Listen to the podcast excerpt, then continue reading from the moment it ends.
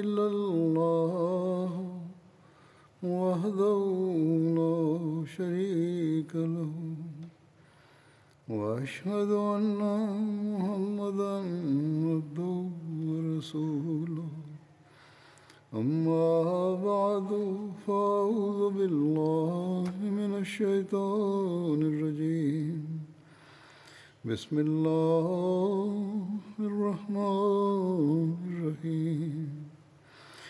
الحمد لله رب العالمين. الرحمن الرحيم. مالك يوم الدين. إياك نعبد وإياك نستعين. اهدنا الصراط المستقيم. صراط الذين أنعمت عليهم غير المغضوب عليهم ولا الضالين.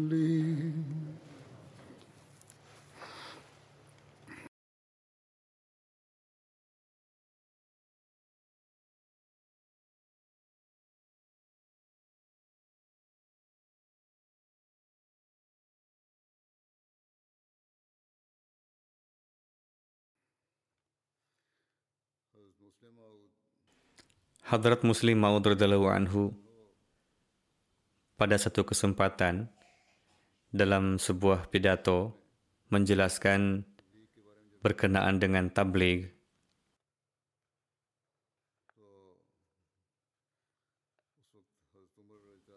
Seraya menjelaskan mengenai peristiwa-peristiwa di masa Hadrat Umar radhiyallahu anhu Hadrat Muslim Maud bersabda dalam pertempuran-pertempuran yang terjadi setelah kewafatan Hadrat Rasulullah Sallallahu Alaihi Wasallam, sering kali terjadi kaum muslimin kalah jumlah. Dalam pertempuran Syam, jumlah pasukan sangat sedikit. Hadrat Abu Ubaidah menulis kepada Hadrat Umar bahwa jumlah musuh sangat banyak. Oleh karena itu, mohon upayakan pengiriman pasukan tambahan. Hadrat Umar melakukan peninjauan maka beliau merasa tidak mungkin untuk mengerahkan pasukan baru. Karena para pemuda dari suku-suku di sekitar Arab telah banyak yang terbunuh, atau sebelumnya pun mereka semua telah bergabung dalam pasukan. Beliau mengadakan sebuah pertemuan untuk bermusyawarah, dan di dalamnya beliau mengundang orang-orang dari berbagai suku dan menyampaikan perkara ini ke hadapan mereka.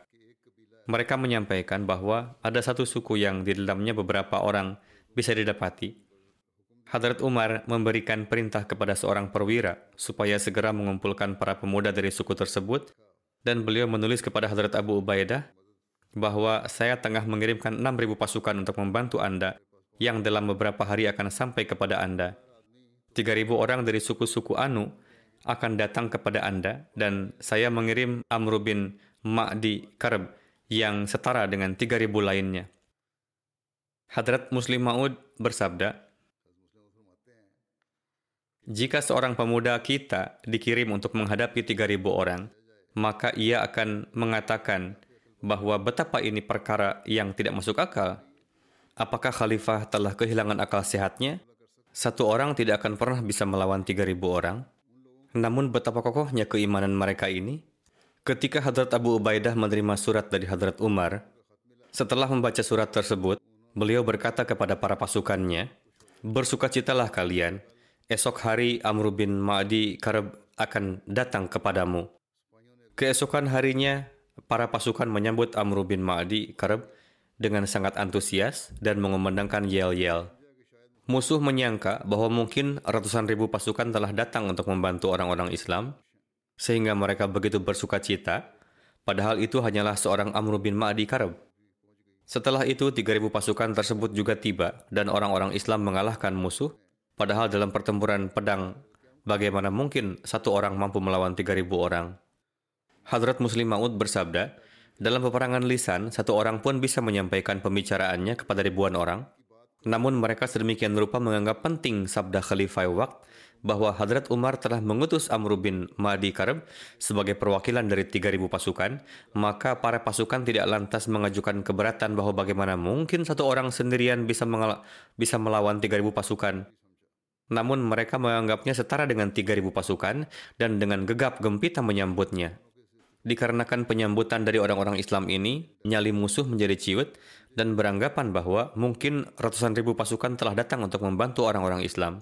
Oleh karena itu, mereka angkat kaki dari medan pertempuran dan setelah mengalami kekalahan, mereka melarikan diri.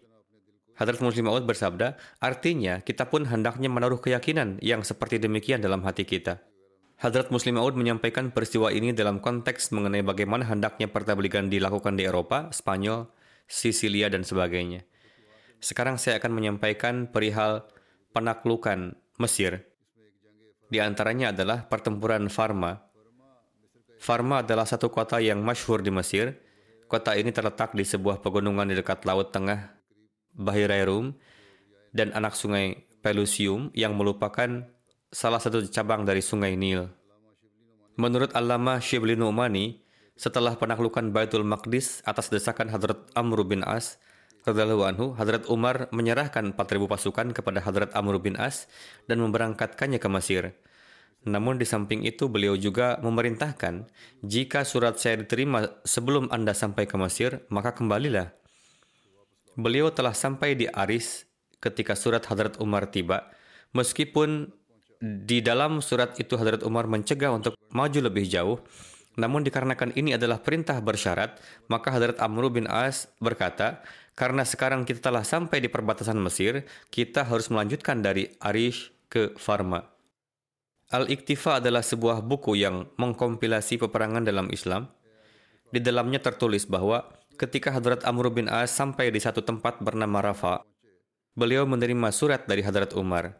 Namun, beliau tidak mengambil surat tersebut dari kurir karena takut di dalamnya terdapat perintah untuk kembali, sebagaimana yang disampaikan oleh Hadrat Umar. Beliau tetap melanjutkan hingga sampai ke satu desa kecil di antara Rafa dan Arish Beliau menanyakan mengenai tempat tersebut. Disampaikan bahwa ini terletak di perbatasan Mesir, lalu beliau meminta surat tersebut dan membacanya. Di dalamnya tertulis bahwa, bawalah pulang kembali orang-orang Islam yang bersama Anda. Maka beliau mengatakan kepada orang-orang yang bersama beliau, Tidakkah kalian tahu bahwa sekarang kita berada di Mesir? Mereka mengiyakan. Maka beliau berkata, Amirul Mukminin memerintahkan bahwa jika saya menerima surat beliau sebelum sampai ke tanah Mesir, maka saya harus kembali. Saya menerima surat ini setelah masuk ke tanah Mesir. Oleh karena itu, dengan nama Allah, mari kita lanjutkan. Dalam riwayat lain dikatakan bahwa Hadrat Amr bin As sedang berada di Palestina dan dengan tanpa izin beliau membawa laskarnya menuju Mesir. Hadrat Umar tidak menyukai hal ini. Lalu Hadrat Umar menulis surat kepada beliau. Surat Hadrat Umar sampai kepada Hadrat Amr bin As ketika beliau berada di dekat Arish. Maka beliau tidak membaca surat itu hingga beliau sampai di Arish. Lalu beliau membaca surat itu. Di dalamnya tertulis, dari Umar bin Khattab kepada Amr bin As, Amma Ba'd.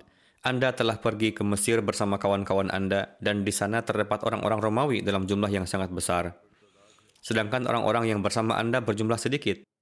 Demi Umar, semoga Allah memberkati Anda. Akan lebih baik jika Anda tidak membawa mereka bersama Anda jadi jika Anda belum sampai ke Mesir, maka kembalilah. Dalam perjalanan ini, sebelum sampai ke Farma, pasukan Muslim belum pernah bertemu dengan pasukan Romawi. Bahkan di beberapa tempat orang-orang Mesir menyambut mereka, dan pertama kali terjadi konfrontasi adalah di Farma. Ada beragam riwayat, namun nampaknya yang paling sahih adalah bahwa surat itu diterima beliau setelah sampai di Arish, perbatasan Mesir. Jika tidak, maka tidak mungkin membuat alasan bahwa kami akan membuka surat itu ketika kami sampai di Mesir. Bagaimanapun, ketika mereka sampai di Mesir, mereka harus melangkah maju karena seorang mukmin pantang untuk mundur. Mendengar kabar ini, orang-orang Romawi beranggapan bahwa pasukan yang datang bersama Hadrat Amru sangat sedikit dan belum sepenuhnya siap. Mereka tidak akan mampu melakukan pengepungan hingga waktu yang lama. Sedangkan jumlah mereka lebih banyak dari pasukan muslim dan penuh persiapan, mereka akan mengalahkan pasukan Muslim. Orang-orang Romawi berpemikiran seperti itu. Mereka bertahan dalam benteng kota. Di sisi lain, Hadrat Amr bin As telah mengetahui kekuatan militer Romawi, mereka berkali-kali lipat lebih kuat daripada pasukan Muslim dalam hal jumlah dan persenjataan. Oleh karena itu, untuk merebut Farma, beliau membuat strategi melakukan serangan secara mendadak dan membuka pintu-pintu benteng kota, atau dengan sabar terus melakukan pengepungan hingga persediaan makanan penduduk kota habis dan terpaksa keluar karena lapar. Maka beliau kemudian melakukan pengepungan. Di satu sisi pengepungan kaum muslimin semakin ketat, di sisi lain orang-orang Romawi tidak mengendurkan kegigihan mereka. Demikianlah pengepungan berlangsung selama berbulan-bulan. Terkadang sebagian tentara Romawi keluar dan terjadi pertempuran kecil, lalu mereka mundur kembali. Dalam pertempuran-pertempuran kecil itu, kaum muslimin sangat selalu unggul. Suatu hari, sekelompok pasukan Romawi keluar dari pemukiman untuk bertempur dengan orang-orang Islam. Dalam pertempuran tersebut, orang-orang Islam unggul dan orang-orang Romawi melarikan diri ke pemukiman setelah mengalami kekalahan. Orang-orang Islam mengejar mereka dan membuktikan kecepatan dalam berlari sehingga beberapa orang berhasil sampai ke pintu-pintu gerbang sebelum orang-orang Romawi, kemudian membuka pintu gerbang benteng dan membuka jalan untuk kemenangan yang nyata.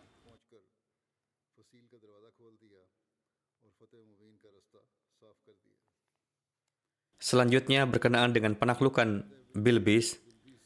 Setelah penaklukan Farma, Hadrat Amr bin As beralih ke Bilbis, maka pasukan Romawi menghalangi jalan beliau.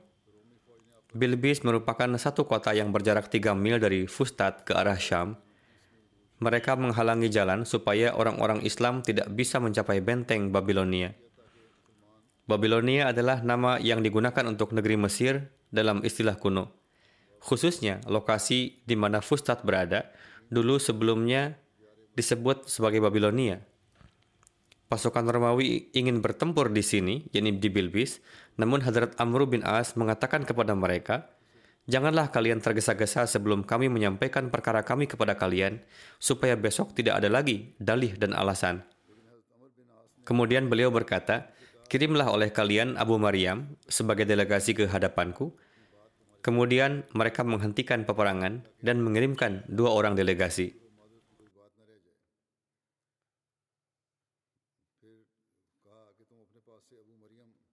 Kedua orang ini adalah pendeta orang-orang Bilbis. Hadrat Amru bin As mengajukan pilihan antara menerima Islam atau membayar jizyah. Di samping itu, menyampaikan sabda Hadrat Rasulullah mengenai penduduk Mesir bahwa kalian akan menaklukkan Mesir, yaitu suatu negeri yang terkadang dinamakan Al-Qirat.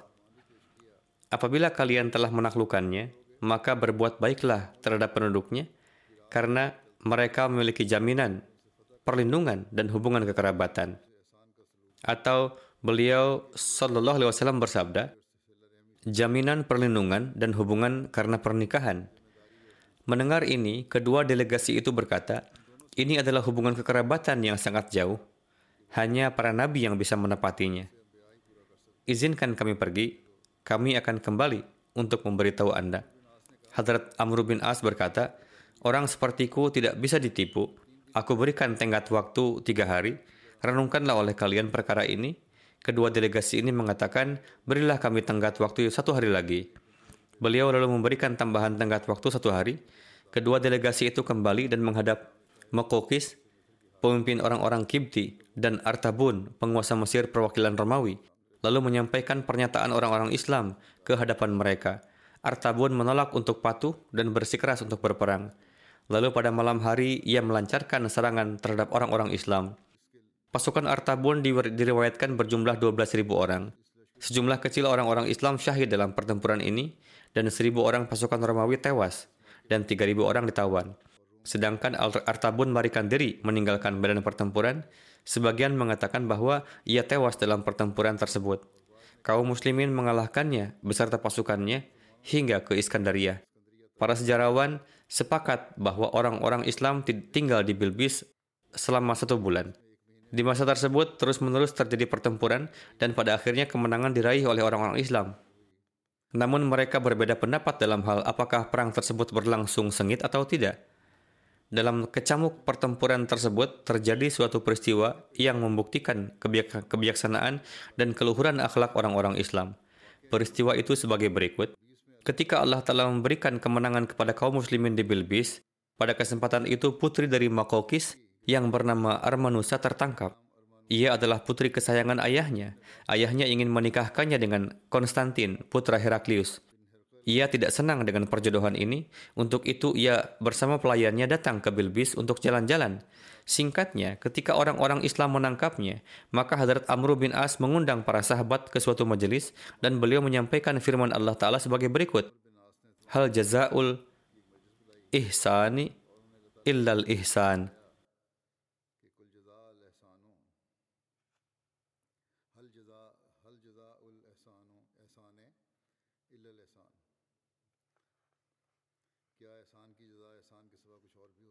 Artinya, apakah balasan dari kebajikan bisa dengan selain kebajikan? Kemudian berdasarkan ayat ini, beliau mengatakan,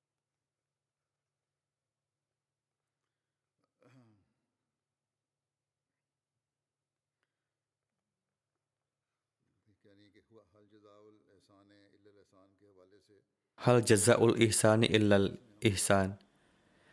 Mokokis telah mengirimkan hadiah kepada Nabi kita Sallallahu Alaihi Wasallam.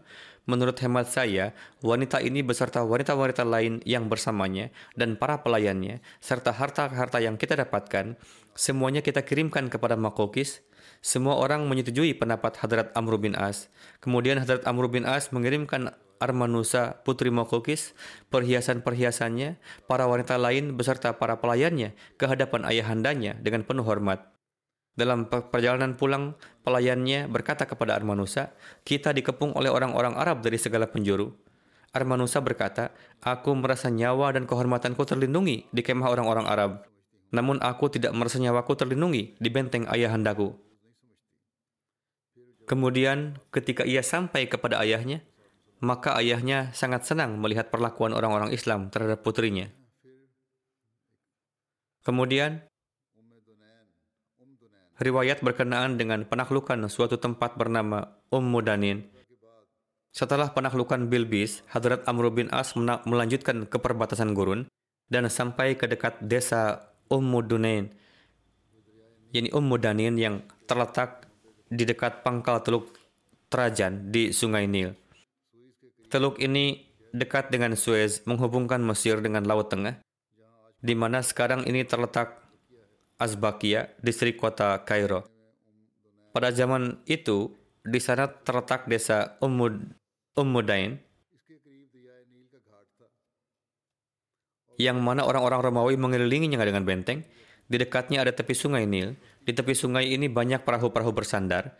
Desa ini terletak di utara Babilonia yang merupakan benteng terbesar di kota Mesir.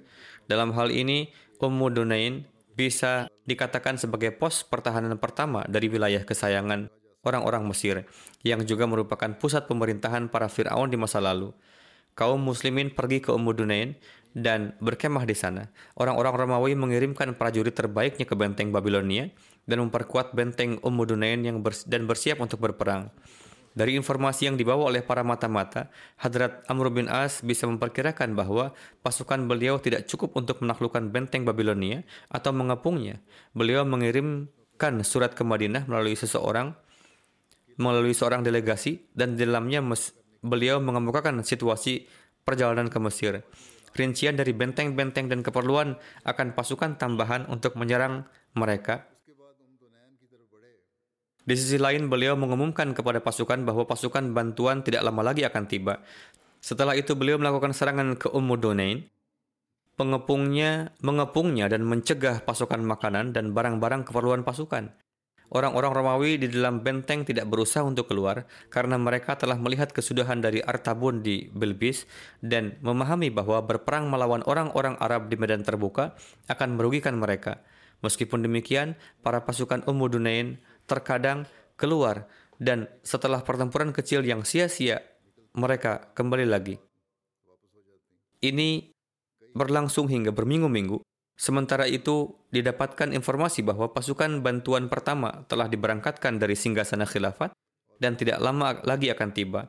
Kabar ini semakin meningkatkan semangat dan kekuatan orang-orang Islam.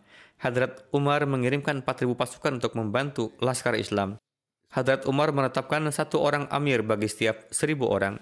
Nama-nama para amir tersebut antara lain Hadrat Zubair bin Awam, Hadrat Mikdad bin Aswad, Hadrat Ubaidah bin Samit, dan Hadrat Maslamah bin Mukhallad.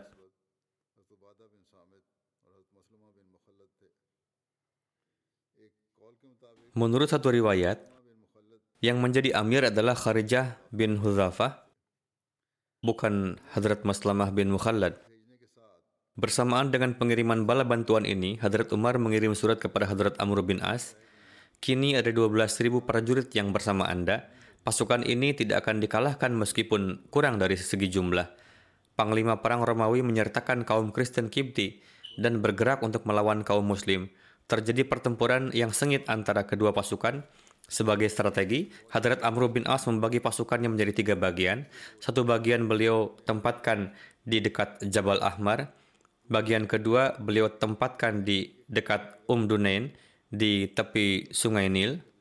Sementara bagian yang tersisa beliau bawa untuk berhadapan langsung dengan musuh. Di waktu terjadi pertempuran sengit antara kedua pasukan, pasukan muslim yang bersembunyi di Jabal Ahmar pun keluar dan menyerang mereka dari belakang yang menyebabkan barisan pasukan musuh menjadi tercerai-berai dan mereka pun melarikan diri ke arah Om Dunain.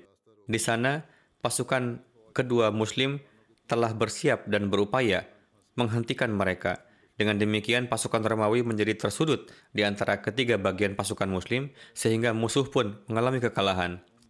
Kemenangan-kemenangan lainnya terkait hal ini pada berbagai tempat tertera bahwa setelah kemenangan di Um Dunain, Hadrat Amr bin As pertama-tama meraih kemenangan di wilayah Fayum, di mana pemimpin di daerah tersebut terbunuh di dalam pertempuran. Lalu kaum Muslim berhadapan dengan pasukan Romawi di Ainus Shams. Sebelum ini ada 8.000 prajurit muslim yang datang ke uh, di bawah pimpinan Hadrat Zubair bin Awam sebagai bala bantuan kepada Hadrat Amr bin As yang di dalamnya pun terdapat Hadrat Ubadah bin Samit, Hadrat Mikdad bin Aswad dan Maslamah bin Mukhallad. Pada pertempuran ini pun kaum muslim meraih kemenangan. Setelah ini kaum muslim mendapatkan kemenangan di seluruh wilayah Fuyum. Satu bagian pasukan muslim telah meraih kemenangan di dua kota di wilayah Manufiyah yaitu Asrib dan Manuf. Mengenai pertempuran di benteng Babylon atau kemenangan di Fustat, tertera bahwa setelah kemenangan di Umdunain, Hadrat Amr bin As bergerak menuju benteng Babylon dan beliau mengepungnya dengan dahsyat. Sekarang daerah tersebut bernama Fustat sebab penamaannya adalah bahwa di dalam bahasa Arab kemah disebut dengan Fustat setelah menaklukkan benteng, tatkala Hadrat Amr bin As memerintahkan untuk kembali dari sana, maka secara kebetulan ada satu merpati yang membuat sarang di kemah Hadrat Amr bin As. Tatkala beliau memandangnya, beliau memerintahkan agar membiarkan kemah beliau di sana. Kemudian saat Hadrat Umar kembali dari Iskandaria, beliau membuka pemukiman di dekat kemah tersebut sehingga kota itu pun menjadi masyhur dengan nama Fustat. Perkiraan jumlah pasukan yang menjaga benteng tersebut adalah 5 hingga 6 ribu dan mereka bersenjata penuh. Hadrat Amru pun mulai mengepung benteng Babylon. Ini adalah benteng yang sangat kokoh setelah Iskandaria dan dibangun secara permanen dan di segala penjuru dikelilingi oleh sungai Nil. Karena benteng ini terletak di sungai Nil dan perahu-perahu besar dapat ditambatkan di gerbang benteng ini, maka ini adalah tempat yang sangat tepat untuk kebutuhan-kebutuhan kerajaan. Saat itu bangsa Arab tidak memiliki persenjataan-pernyataan yang dibutuhkan untuk menyerang benteng yang kokoh tersebut. Mereka tidak siap untuk hal tersebut. Adapun Hadrat Amru semenjak sebelumnya telah melakukan persiapan-persiapan untuk mengepungnya. Mokukis yang merupakan pemimpin Mesir saat itu telah tiba di benteng sebelum Hadrat Amru bin As dan ia tengah mempersiapkan pertempuran. Hadrat Zubair menunggangi kuda, lalu mengelilingi parit di keempat penjurunya dan beliau menempatkan prajurit infanteri dan berkuda dalam jumlah cukup di mana saja tempat yang dibutuhkan. Pengepungan ini berlangsung terus-menerus hingga tujuh bulan lamanya, tanpa ada yang kalah maupun pemenang. Saat itu terkadang prajurit Romawi keluar dari benteng dan bertempur, namun lantas kembali lagi. Di masa itu Makokis terus mengirimkan utusan-utusannya kepada Hadrat Amr bin As untuk berdamai ataupun mencaci maki. Hadrat Amr bin As mengutus Hadrat Ubadah bin Samit dan menetapkan hanya tiga syarat untuk berdamai, yakni terimalah Islam, berilah jizyah, atau akan ada pertempuran. Beliau menyampaikan bahwa tidak akan ada perdamaian selain pada ketiga hal itu.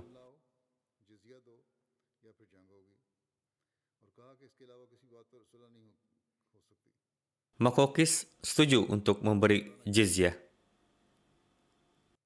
Dan dalam hal ini ia menghadap sendiri ke Heraklius untuk meminta izin membayar jizyah. Namun Heraklius menolaknya. Bahkan ia sangat marah kepada Makokis dan sebagai hukuman baginya ia pun mengusir Makokis dari negerinya sendiri.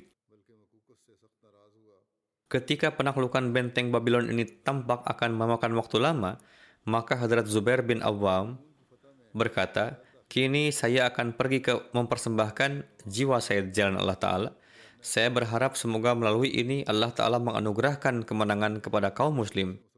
Seraya berkata demikian, beliau menggenggam pedang terhunus, menaiki tangga, dan tiba di atas dinding benteng. Beberapa sahabat lainnya pun menemani beliau dan tiba di atas benteng, lalu memakikan seruan yang lalu diikuti oleh segenap pasukan sehingga ketakutan menyebar di seluruh benteng kaum Kristen beranggapan bahwa pasukan Muslim telah menyusup ke dalam benteng. Mereka menjadi gentar dan berlari menyelamatkan diri. Hadrat Zubair lalu menuruni dinding benteng dan membuka gerbang benteng sehingga segenap pasukan pun masuk. Kaum Muslim terus bertempur hingga menaklukkan benteng Hadrat Amr bin As memberi perlindungan kepada mereka dengan syarat bahwa para tentara Romawi harus keluar dengan membawa serta perbekalan mereka untuk beberapa hari dan penghuni benteng tidak diperkenankan menyentuh perbendaharaan serta peralatan perang yang ada di dalam benteng Babylon karena merupakan harta ghanimah kaum muslim.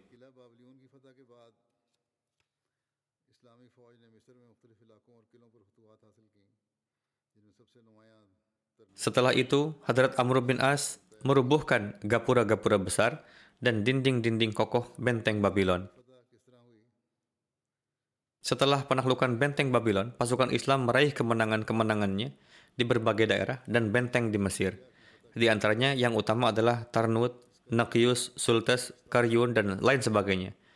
Mengenai bagaimana terjadinya penaklukan Iskandaria, tertulis bahwa setelah kemenangan di Fustat, Hadrat Umar pun menyetujui untuk menaklukkan Iskandaria. Terjadi satu pertempuran sengit dengan tentara Romawi di tempat bernama Karyun yang berada di antara Iskandaria dan Fustat, yang lalu dimenangi oleh kaum muslim. Setelah, setelah ini, pasukan Romawi tidak lagi bergerak maju ke Iskandaria. Saat itu Makokis ingin berdamai dan memberi jizyah, namun bangsa Romawi menekannya sehingga menyebabkan Makokis harus menyampaikan pesan ke Hadrat Amr bin As bahwa ia bersama bangsa Kipti dan kaumnya tidak ikut campur dalam peperangan tersebut dan memohon agar kaum muslim tidak menimpakan kesulitan kepadanya. Sebenarnya kaum Kipti tidak ikut campur di peperangan ini, bahkan mereka berpihak pada pasukan Islam, sehingga jalan jalan bagi umat Islam pun menjadi mudah dan jembatan pun dapat diperbaiki di masa pengepungan Iskandariah pun orang-orang Kipti terus memenuhi kebutuhan pandangan kepada kaum muslim. Kedudukan penting Iskandariah dapat diketahui dari hal bahwa tatkala kaum muslim telah berhasil memenangi Iskandariah, kota itu berperan sebagai ibu kota. Ia dianggap sebagai kota terbesar kedua di dalam kekaisaran Bizantium setelah Konstantinopel. Selain itu, ia berperan sebagai kota perdagangan internasional pertama. Kekaisaran Bizantium sangat memaklumi bahwa seandainya kota tersebut ditaklukkan oleh kaum muslim, maka hasil yang akan ditimbulkan adalah sangat berbahaya. Di dalam kekhawatiran seperti ini, Heraklius bahkan mengatakan, jika bangsa Arab menaklukkan Iskandaria, maka bangsa Romawi akan hancur. Untuk bertempur melawan pasukan Muslim, Heraklius sendirilah yang mempersiapkannya. Namun di tengah upayanya itu ia meninggal dunia dan putranya Konstantin menjadi kaisar. Iskandaria dari kekokohan bentengnya, keluasan kotanya, dan banyaknya tentara yang menjaganya menjadikannya memiliki kedudukan tertentu dari segi pertahanan. Pengepungan Iskandaria berlangsung hingga 9 bulan.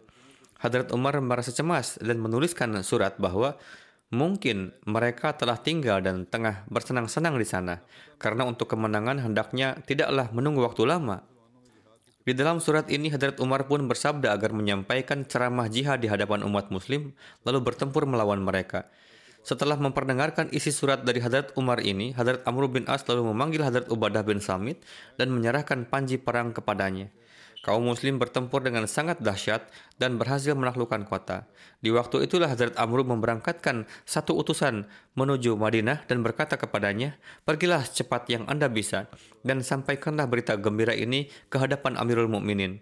Utusan itu lantas menunggangi unta dan melalui berbagai tempat hingga akhirnya tiba di kota Madinah. Karena saat itu waktu siang dan beranggapan ini adalah waktu istirahat, maka sebelum ke mahkamah khilafat, ia pergi menuju Masjid Nabawi. Secara kebetulan Khadimah, yakni pelayan Hadrat Umar keluar dari sana dan bertanya, siapa anda dan datang dari mana? Untuk utusan itu menjawab, saya datang dari Iskandaria. Saat itu pula pelayan tersebut menyampaikan kepada Hadrat Umar dan kembali lagi. Seraya berkata, ayo kemari. Hadrat Amirul Mukminin memanggil anda. Hadrat Umar tanpa menunggu lama segera beranjak menemuinya dan mengambil selendangnya lalu seketika utusan itu pun tiba. Mendengar berita kemenangan, Hadrat Umar lantas jatuh bersujud di atas tanah dan memanjatkan syukur. Beliau berdiri dan menuju ke masjid lalu memerintahkan seruan As-Salatul Jami' Mendengarnya, segenap penduduk Madinah berdatangan. Utusan itu lalu menyampaikan rincian peristiwa kemenangan ke hadapan segenap orang. Setelah itu, utusan tersebut pergi bersama Hadrat Umar ke rumah beliau dan beliau menyuguhkan hidangan kepadanya. Hadrat Umar bertanya kepada utusan itu, Kenapa Anda tidak langsung datang menemui saya? Ia berkata, saya berpikir bahwa Huzur tengah beristirahat. Hadrat Umar bersabda, Kenapa Anda beranggapan demikian mengenai saya? Jika saya tidur di siang hari, maka siapakah yang akan memikul amanat khilafat ini? Dengan terjadinya penaklukan Iskandaria, seluruh Mesir pun menjadi takluk. Banyak sekali yang ditawan dari berbagai pertempuran yang terjadi. Terkait semua tawanan ini, Hadrat Umar memerintahkan kepada Hadrat Amru melalui surat yaitu, panggillah semuanya dan sampaikan bahwa mereka dapat memilih apakah mereka menjadi muslim atau tetap pada agama mereka. Jika mereka memeluk Islam, maka mereka akan mendapatkan segenap hak seperti halnya yang didapati oleh orang Muslim. Jika tidak, mereka harus memberi jizyah, yaitu yang diambil dari segenap warga zimmi. Tatkala sabda Hadrat Umar ini dibacakan di hadapan para tawanan, maka banyak sekali tawanan yang menerima Islam dan banyak juga yang tetap pada agama mereka. Jika ada menyatakan memeluk Islam, kaum muslim lantas menyerukan Allahu Akbar. Dan apabila ada yang tetap pada agama Kristen, maka segenap kaum Kristen menyeru, menyerukan selamat kepadanya, dan kaum Muslim pun menjadi bersedih. Terkait peristiwa pembakaran perpustakaan Iskandaria, para orientalis menyampaikan dengan sangat berlebihan apakah hakikat yang terjadi sebenarnya. Akibat penaklukan Iskandaria ini, para penentang terutama para penulis Kristen menyampaikan satu keberatan bahwa Hadrat Umar telah memerintahkan untuk membakar satu perpustakaan yang sangat besar di Iskandaria. Dan melalui keberatan ini, mereka seolah tengah berupaya menyebarkan pengaruh bahwa beberapa betapa kaum muslim nauzubillah sangat menentang ilmu pengetahuan dan akal sehingga perpustakaan yang sedemikian besar di Iskandaria pun telah dia bakar. Bahkan apinya tidak kunjung padam hingga enam bulan. Keberatan ini baik dari segi akal maupun riwayat sama sekali adalah hal yang dibuat-buat semata karena kepada kaum yang Tuhan dan Rasul mereka telah bersabda bahwa Talabul ilmi faridatun ala kulli muslim, yakni menuntut ilmu adalah kewajiban bagi setiap muslim dan yang kepada mereka telah diperintahkan bahwa utlubul ilma walau bisin, yakni tuntutlah ilmu meskipun harus ke negeri Tiongkok dan Al-Quran suci yang di dalam banyak ayat dan perintahnya telah memerintahkan kepada mereka untuk menggunakan ilmu akal bertafakur dan bertadabur, maka keberatan yang dialamatkan kepada mereka bahwa mereka membakar perpustakaan adalah bertentangan dengan akal dan asas-asas dirayat. Selain itu, banyak sekali para peneliti yang di antaranya pun ada pemeluk Kristen dan bangsa Eropa di mana mereka menolak hal demikian dan membuktikan bahwa kisah pembakaran perpustakaan Iskandaria hanyalah suatu kisah yang dibuat-buat semata. Oleh karena itu, seorang ilmuwan dari Mesir, Muhammad Raza, di dalam tulisannya Sirat Umar Faruk terkait peristiwa ini, ia menuliskan bahwa tuduhan pembakaran di perpustakaan Iskandaria bersumber dari apa yang tertulis oleh Abul Faraj Malati. Ia menuliskan peristiwa ini di dalam suatu buku sejarah yaitu Mukhtasir Dawul. Sejarawan ini lahir di tahun 1226 Masehi dan wafat di tahun 1286. Ia menulis bahwa pada waktu kemenangan, seorang pendeta Kibti bernama Yohanna An-Nahawi yang di antara orang muslim terkenal dengan nama Yahya, ia beragama Kristen dan berasal dari golongan Yakobiyah dan selanjutnya ia kembali kepada akidah Trinitas Kristen. Ia meminta buku-buku hikmah yang tersimpan di khazanah negara kepada Hadrat Amr bin As. Hadrat Amr bin As menjawab bahwa setelah Hadrat Umar memberikan izin, maka barulah ia dapat menyampaikan jawabannya. Ini sungguh merupakan satu kisah palsu, namun saya tetap menyampaikan ini untuk menyanggah keberatan tersebut. Hadrat Umar menulis, Anda pun menyebutkan tentang buku-buku, jika kandungannya bersesuaian dengan kitab Allah Ta'ala, maka apa pun yang ada di dalam kitab Allah Ta'ala, hal itu adalah cukup bagi kita. Dan kita tidak memerlukan lagi buku-buku tersebut. Dan apabila kandungannya bertentangan dengan kitab Allah Ta'ala, maka kita tidak memerlukan buku-buku tersebut. Oleh karena itu, buanglah saja buku-buku tersebut. Hadrat Amr bin As lantas memilih buku-buku tersebut dan membakar semuanya di dalam tempat pembakaran. Dan dengan demikian, semua buku tersebut musnah dalam waktu enam bulan. Riwayat ini tidak terdapat baik di dalam tarikh Tabari, Ibnu Asir, Yakubi, Kindi, tidak juga di dalam Ibni Abdul Hakam, Baladuri, dan juga Ibnu Khaldun. Hanya Abul Farajlah yang pada pertengahan abad ke-13 Masehi atau di awal abad ke-7 ia telah menuliskannya tanpa menyebutkan sumbernya. Profesor Butler melakukan penelitian terkait Yohanna Nahawi dan menulis bahwa pada tahun 642 Masehi, tahun di mana terjadi kebakaran di perpustakaan tersebut, ia tidak hidup Ensiklopedia Britannica menyebutkan bahwa Yohanna hidup sejak akhir abad ke-5 hingga awal abad ke-6. Diketahui bahwa Mesir telah ditaklukkan di awal abad ke-7. Atas dasar ini, Profesor Butler telah menyatakan secara benar bahwa ia atau Yohanna telah wafat di waktu tersebut.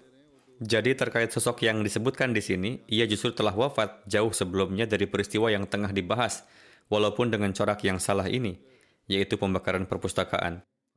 Lalu Dr. Hasan Ibrahim menuliskan di dalam risalahnya, Tarikh Amr bin As, berdasarkan sanad dari Profesor Ismail, bahwa di waktu itu, perpustakaan Iskandariyah masih belum berdiri lagi.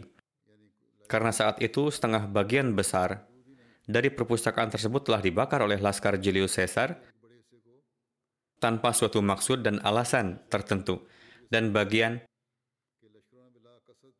Keduanya pun telah musnah seperti itu juga di masa tersebut. Adapun peristiwa ini terjadi di abad ke-14 atas perintah pendeta Theophil.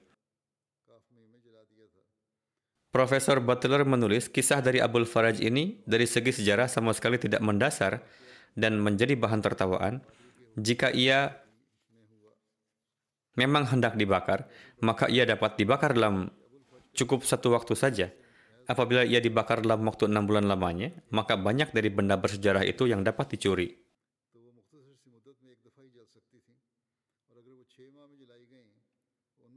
Pada bangsa Arab, tidaklah masyhur bahwa mereka kerap membuang sesuatu. Gaban menuliskan bahwa ajaran-ajaran Islam bertentangan dengan riwayat seperti itu, yaitu Islam mengajarkan bahwa tidaklah boleh membakar kitab-kitab kaum Yahudi dan Kristen yang didapat dari perang, dan terkait buku-buku filsafat, syair-syair, dan buku-buku keilmuan lainnya, selain buku agama, Islam menetapkan bahwa mengambil manfaat darinya adalah diperbolehkan. Kaum muslim yang kepada mereka telah diperintahkan untuk tidak mengganggu gereja-gereja beserta benda-benda mereka di wilayah yang telah ditaklukkan, dan bahkan mengizinkan kebebasan beragama kepada kaum zimmi, maka akal sehat apakah yang dapat menerima bahwa Hadrat Amirul Mukminin akan memerintahkan untuk membakar perpustakaan Iskandaria. Hadrat Khalifatul Masih yang pertama radhiyallahu anhu dalam bukunya berjudul Tasdik Barahin Ahmadiyah menyinggung keberatan tersebut dan menjawabnya. Beliau bersabda, atas permintaan Felonus, seorang tabib dan alim ulama, Amru, komandan pasukan, menanyakan kepada Amirul Mukminin Umar, khalifah kedua, berkenaan dengan perpustakaan tersebut, sang khalifah menulis, bakarlah segera. Area itu terus panas karena api selama enam bulan. Beliau radhiallahu anhu menulis bahwa ini adalah pendapat orang. Keberatan ini sebagai hasil dari omong kosongnya para tuan pendeta, di dalamnya tidak ada hakikat. Hadrat Khalifatul Awal bersabda, Silahkan hadirin renungkan pertama, jika perbuatan demikian terdapat dalam kebiasaan orang Islam, maka pada masa kekhalifahannya, Khalifah Umar radhiallahu anhu pasti akan membakar buku-buku yang disucikan oleh orang-orang Yahudi dan Kristen. Karena kedua agama tersebut adalah lawan bicara pertama Islam yang disebutkan sebagai ahli kitab. Selanjutnya, Islam berkuasa penuh atas orang-orang Majusi, namun sejarah tidak menyebutkan bahwa Islam telah membakar kitab-kitab mereka. Jika perbuatan tersebut merupakan noda Islam atau khalifah Islam, maka penyebab dari perbuatan tersebut pastinya selalu ada dalam Islam dan tidak ada larangan dalam Islam untuk melakukannya. Kedua, jika membakar buku-buku keagamaan identik dengan perbuatan penguasa-penguasa Islam dan umatnya, maka tidak mungkin akan ada terjemahan filsafat, pertabiban, dan keilmuan Yunani dalam bahasa Arab. Ketiga, jika orang Islam berwenang untuk membakar buku-buku, sudah barang tentu Mukadzib Barahin Ahmadiyah atau pengingkar buku Barahin Ahmadiyah akan memberikan permisalan peristiwa pembakaran dari negerinya sendiri, yakni Hindustan. Bukannya jauh-jauh menyeberangi samudera ke Iskandaria. Buku apa yang telah dibakar di Hindustan ini? Keempat, Islam telah memerintah lebih dari 700 tahun di Hindustan namun selama masa itu tidak terdengar sedikit pun selentingan peristiwa pembakaran terhadap kitab-kitab seperti Bhagavad, Ramayana, Gita, Mahabharata, dan permisalannya, Langpran, Markandi, kitab-kitab terkenal yang sampai saat ini diyakini sebagai kitab agama dan pustaka suci melainkan yang ada adalah terjemahan dari sebagian kitab-kitab tersebut. Sungguh mengherankan bagaimana orang-orang Hindu itu meyakini bahwa umat Islam telah membakar pustaka-pustaka yang disucikan itu. Silakan renungkan dengan adil. Dalam menjawab keberatan tersebut, dalam buku Tasdik Barahin Ahmadiyah, Hadrat Maulana Abdul Karim Sahib menulis catatan. Beliau menulis, Meskipun tuduhan tersebut telah dilontarkan kepada umat Islam, padahal sampai saat itu kejadian tersebut belum diselidiki dan fakta sebenarnya masih belum jelas. Namun di antara para ulama yang bertabiat adil dan condong dengan kebenaran, sedikit sekali yang melontarkan tuduhan tersebut kepada umat Islam. Penyebab adanya tuduhan ini kebanyakan adalah fanatisme atau ketidaktahuan. Bahkan sejak semula, di mana para pelontar keberatan ini tidak memiliki bukti, yakni dua sejarawan yang meriwayatkan kejadian tersebut yang notabene lahir 580 tahun setelah berlalu kejadian itu. Sin Kerai yang telah menulis banyak sekali buku dalam penyelidikannya terhadap perpustakaan Iskandaria, ia sama sekali mendustakan riwayat tersebut dan ternyata kitab-kitab tersebut terbakar pada peperangan Julius Caesar Sebagaimana plot tadi telah menulis riwayat hidup Kaisar bahwa karena khawatir akan beralih ke tangan musuh, Kaisar Julius telah membakar kapal-kapalnya dan apinya membesar hingga menghanguskan perpustakaan besar Iskandariah yang masyhur itu. Dalam buku karyanya berjudul Dictionary of Dates Relating to All Ages, di mana Hayden mencantumkan riwayat keliru tersebut, di dalamnya ia menulis catatan berikut sebagai hasil dari penelitiannya bahwa kisah ini sama sekali meragukan. Ucapan Hadrat Umar yang mengatakan bahwa jika buku-buku ini bertentangan dengan Islam, maka harus dibakar. Hal ini, hal itu tidak diakui oleh umat Islam. Sebagian orang menisbahkan ucapan tersebut kepada Toplis Bisov Iskandaria yang terjadi pada tahun 391 Masehi dan sebagian lagi mengaitkan ucapan itu dengan Kardinal Jimenez pada tahun 1500. Selanjutnya, menulis bahwa pemuda kita yang terkenal bernama Dr. Littner dalam kitab Sininul Islam menurut meniru riwayat palsu tersebut dan sayangnya diketahui bahwa tuan dokter telah terkecoh dalam penelitiannya. John William Draper dalam buku yang masyhur telah mengutip ucapan tersebut dari para periwayat palsu, namun di kemudian hari ia mengakui kekeliruan ucapan tersebut. Ia menulis bahwa pada hakikatnya buku-buku tersebut telah terbakar pada peperangan Julius Caesar dan sekarang dapat dikatakan secara yakin bahwa ucapan tersebut sama sekali tidak berdasar dan hanya dongeng belaka. Adapun kejadian yang sebenarnya yang patut disesalkan adalah kardinal fanatik bernama Jimenez telah membakar 80 ribu buah buku berbahasa Arab di lapangan Granada. Ketika Spanyol dirampas dari umat Islam, mereka membakar 80 ribu buah buku dari perpustakaan Granada yang dikuasai oleh orang-orang Kristen. Inilah sebenarnya yang patut ditangisi alih-alih melontarkan tuduhan kepada Islam, silahkan baca Conflict Between Religion and Science. Di dalamnya tertulis rujukan tersebut.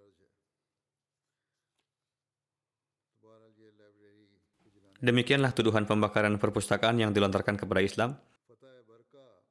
Berkenaan dengan penaklukan Barkah, Trablas, dan lain-lain, setelah menaklukkan Mesir dan tegaknya kedamaian keamanan di sana, Amr bin As bergerak ke sebelah barat supaya dari sana tidak tersisa lagi resiko bahaya untuk daerah-daerah taklukan. Karena di Barkah ada tentara Romawi yang berada di balik benteng dan ketika mendapatkan kesempatan dengan memprovokasi orang-orang, mereka dapat menyerang umat Islam di Mesir. Daerah yang berada di antara Iskandariyah dan Marrakesh disebut dengan Barkah. Di daerah tersebut dihuni oleh banyak kota dan kampung, untuk itu pada tahun 22 Hijriah, Amr bin As bergerak ke Barkah dengan membawa pasukan. Jalan yang menuju Barkah dari Iskandaria sangat hijau, subur, dan rindang. Untuk itu, dalam perjalanan ke sana, beliau tidak terpaksa harus menghadapi serangan musuh. Setelah sampai di sana, orang-orang bersedia untuk damai dengan membayar jizyah. Setelah itu, warga Barkah dengan sendirinya pergi ke gubernur Mesir dan mengumpulkan kharaj. Jadi kharaj adalah hak kaum muslim atas tanah yang diperoleh dan menjadi bagian ghanimah dari orang kafir baik melalui peperangan maupun perjanjian damai. Sehingga dari pihak muslim tidak perlu lagi untuk pergi kepada mereka. Mereka adalah orang-orang yang paling sederhana di barat, tidak ada kekisruhan di sana. Ketika Amr bin As keluar dari sana, pergi menuju Trablas, yang merupakan kota yang memiliki benteng yang aman dan kokoh. Di dalamnya dihuni pasukan Romawi dalam jumlah yang sangat banyak. Setelah mendapatkan kabar kedatangan pasukan Muslim, ia menutup gerbang benteng dan terpaksa bertahan dari kepungan pasukan Muslim. Pengepungan tersebut berlangsung hingga satu bulan, namun pasukan Muslim tidak mendapatkan keberhasilan seperti yang diharapkan. Pada bagian belakang Trablas mengalir lautan yang terhubung dengan kota, dan di antara laut dan kota tidak terdapat benteng pelindung. Satu kelompok muslim mengetahui rahasia ini, lalu memasuki kota dari arah belakang dari arah lautan. Mereka meneriakkan takbir dengan keras, dan sekarang tidak ada jalan lain selain dari berlindung dengan memajukan perahu-perahunya ke depan pasukan. Seketika melarikan diri ke belakang, Amr bin As menyerangnya dari arah belakang. Kebanyakan mereka ditawan, kecuali mereka yang berhasil kabur turun dari perahunya. Barang-barang dan aset yang ada di kota dikuasai oleh pasukan muslim sebagai harta ghanimah. Setelah berhasil menguasai Trablas, Amr bin As menyebarkan pasukannya di sekitarnya.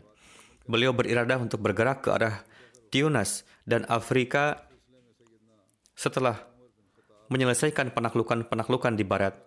Sebagaimana untuk misi tersebut, beliau menulis kepada Hadrat Umar bin Khattab, namun Hadrat Umar masih enggan untuk mengutus pasukan Islam ke misi yang baru dan khususnya dalam keadaan di mana disebabkan oleh penaklukan dari Syam hingga ke Trablas dari pihak daerah-daerah taklukan masih belum puas. Benar. Untuk itu, Hadrat Umar memerintahkan Laskar Islam untuk tetap tinggal di Trablas. Pada masa kekhalifahan Hadrat Umar Faruk, jangkauan pemerintahan Islam mulai menyentuh perbatasan-perbatasan daerah-daerah yang sangat jauh. Pemerintahan Islam muncul pada peta dunia dalam bentuk satu negeri internasional dengan jangkauan dari mulai Sungai Jehun dan Sungai Sin di timur hingga gurun-gurun Afrika. Di sebelah barat, juga dari mulai pegunungan Asia Kecil dan Armenia di utara hingga Bahrul Kahil dan Nobah di selatan. Nobah merupakan daerah di sebelah selatan Mesir yang sangat luas yang di dalamnya hidup berbagai bangsa, agama, golongan, kebudayaan, dan peradaban, yakni daerah-daerah yang terdapat di Mesir yang berada di bawah kekuasaan pemerintahan Islam, semuanya mengarungi kehidupan yang damai dan tentram dalam naungan Islam yang berperi keadilan dan penuh kasih sayang. Adalah agama Islam yang meskipun menghadapi banyak sekali penentangan di dunia ini, namun memberikan hak sepenuhnya terhadap para penentang dalam hal akidah, ibadah, dan kebudayaan, dan memperlakukan mereka dengan penuh hormat. Bagaimana corak ibadah pasukan muslim pada saat peperangan? Dalam menjelaskan hal tersebut, Hadrat Muslim Maud bersabda, Segala sesuatu di dunia ini mengalami kemajuan tahap demi tahap.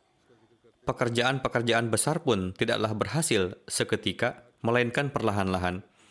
Pada zaman Rasulullah pun tidak semua pasukan muslim melakukan salat tahajud.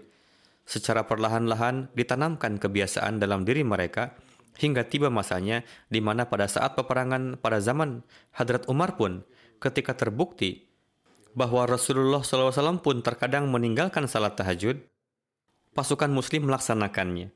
Mungkin saja Rasulullah pun pada saat perang beliau bangun untuk melaksanakan tahajud, namun terbukti bahwa terkadang beliau tidak bangun. Namun pada zaman Hadrat Umar, pada saat perang pun pasukan muslim tetap melaksanakan tahajud hingga pada suatu ketika Heraklius beriradah untuk melakukan serangan berdarah di malam hari. Terjadilah perdebatan di antara mereka. Akhirnya diputuskan untuk tidak menyerang di malam hari karena menyerang pasukan muslim di malam hari tidak ada manfaatnya itu karena pasukan muslim tidak tidur di malam hari. Bahkan melakukan tahajud. Ini pun merupakan tanda kemajuan yang tidak di diperoleh pada masa awal Islam. Pada masa awal Islam, Rasulullah merasa perlu untuk menggencarkannya. Namun setelah itu, orang-orang yang tadinya lemah pun perlahan-lahan menjadi terbiasa. Dalam menjelaskan berkenaan dengan peperangan yang terjadi pada zaman Khulafa Rashidin, Hadrat Muslim Ma'ud bersabda, Islam tidak hanya memerintahkan untuk menghadapi peperangan, bahkan demi untuk kemaslahatan, Islam pun memerintahkan untuk bertahan dari suatu keaniayaan. Untuk itu, ketika terdapat izin dari Allah Ta'ala, yakni jika ada yang menamparmu, silahkan balas dengan tamparan lagi. Pada saat itu dia pun mengatakan, jika membalas, kamu anggap bertentangan dengan maslahat, maka diamlah dan jangan membalas tamparan dengan tamparan. Jadi, dalil yang pada umumnya disampaikan untuk membela tuduhan musuh yang dilontarkan kepada Hadrat Abu Bakar, Hadrat Umar, Hadrat Utsman, dari itu dapat diketahui bahwa Hadrat Abu Bakar tidaklah bersikap zalim, melainkan kaisarlah yang berbuat zalim. Hadrat Umar tidak bersikap zalim, melainkan Kisralah yang berbuat zalim. Hadrat Abu Bakar tidaklah bersikap zalim, melainkan suku-suku yang tinggal di Afghanistan dan Bukhara dan penduduk Kurdi dan lain-lainlah yang berbuat zalim. Namun tidak ditemukan dalil kenapa Hadrat Abu Bakar tidak memaafkan mereka. Kenapa Hadrat Umar tidak memaafkan mereka? Kenapa Hadrat Utsman tidak memaafkan mereka? Ketika berangkat untuk berperang, mereka bisa saja mengatakan kepada kaisar bahwa pasukan Anda telah melakukan suatu pelanggaran. Jika pemerintahanmu meminta maaf kepada kami perihal itu, maka kami akan maafkan. Namun jika tidak meminta maaf, kami akan memerangimu. Adapun mereka tidak mengatakan di depan kaisar bahwa pada suatu waktu kamu atau pasukanmu telah melakukan kezaliman karena Islam mengajarkan untuk memaafkan musuh. Untuk itu jika kamu meminta maaf, kami bersedia untuk memaafkan. Alih-alih mengatakan demikian, justru ketika musuh berbuat zalim, Hadrat Utsman langsung membalasnya. Kemudian pasukan muslim menghadapi mereka, dan melanjutkan peperangan. Ketika pasukan Kisra menyerang perbatasan Irak, setelah itu secara politik benar-benar dibenarkan untuk terjadi peperangan antara para sahabat dan Kisra. Namun secara akhlak bisa saja Hadrat Umar mengatakan kepada Kisra bahwa mungkin saja Anda tidak memerintahkan pasukan untuk menyerang, melainkan pasukan sendirilah yang melancarkan serangan. Untuk itu kami bersedia untuk melupakan serangan ini dengan syarat Anda meminta maaf kepada kami dan menyesali perbuatan yang telah dilakukan.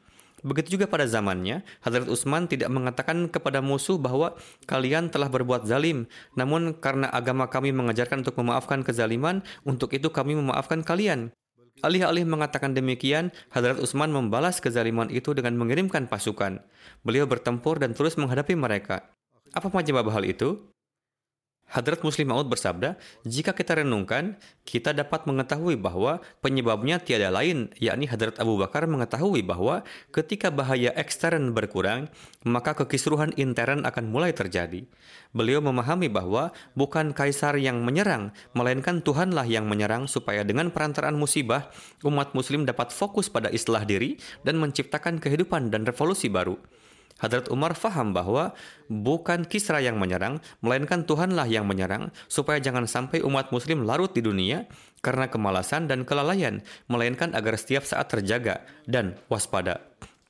Hadrat Utsman memahami bahwa bukan beberapa suku yang menyerang, melainkan Tuhanlah yang menyerang supaya umat Islam waspada dan dalam diri mereka terlahir ruh dan kehidupan baru. Hadrat Muslim Maud menjelaskan hal tersebut dalam satu khutbah beliau. Selaras dengan itu, Hadrat Muslim Maud menyampaikan nasihat kepada jemaat bahwa musibah datang sehingga kita terpaksa melewati kesulitan-kesulitan supaya meningkat dalam kerohanian. Jika pada hari ini kita ingin mengingat prinsip tersebut, maka ingatlah bahwa musibah dan segala kesulitan seharusnya mendekatkan kita kepada Allah Ta'ala dan inilah yang menjadi sarana untuk mendapatkan kemenangan. Jika kita malah merasa takut, tertinggal dan tidak menaruh perhatian pada islah, maka kemajuan tidak akan mungkin diraih. Memang ketika kita mengalami kemajuan dan musibah berakhir, tetap saja kita harus tetap terjalin dengan Allah Ta'ala. Namun pada saat ini khususnya fokus harus lebih tertuju kepada Allah Ta'ala dan menaruh perhatian pada kemajuan rohani dan perbaikan rohani. Hadrat Muslim Ma'ud menulis, jika kita tidak memahami hal itu, berarti tidak faham apa pun, dan inilah hal yang harus difahami oleh setiap Ahmadi pada masa ini.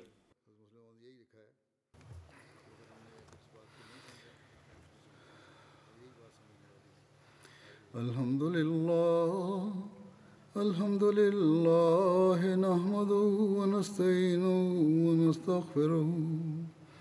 ونؤمن به ونتوكل عليه ونعوذ بالله من شرور انفسنا ومن سيئات اعمالنا من يهده الله فلا مضل له ومن يضلل فلا هادي له ونشهد أن لا إله إلا الله. ونشهد أن محمدا عبده ورسوله. عباد الله رحمكم الله. إن الله يأمر بالعدل واللسان وإيتاء ذي القربى. وينهى عن الفحشاء والمنكر والبغي يعظكم لعلكم تذكرون. اذكروا الله يذكركم وادعوه يستجب لكم ولذكر الله أكبر.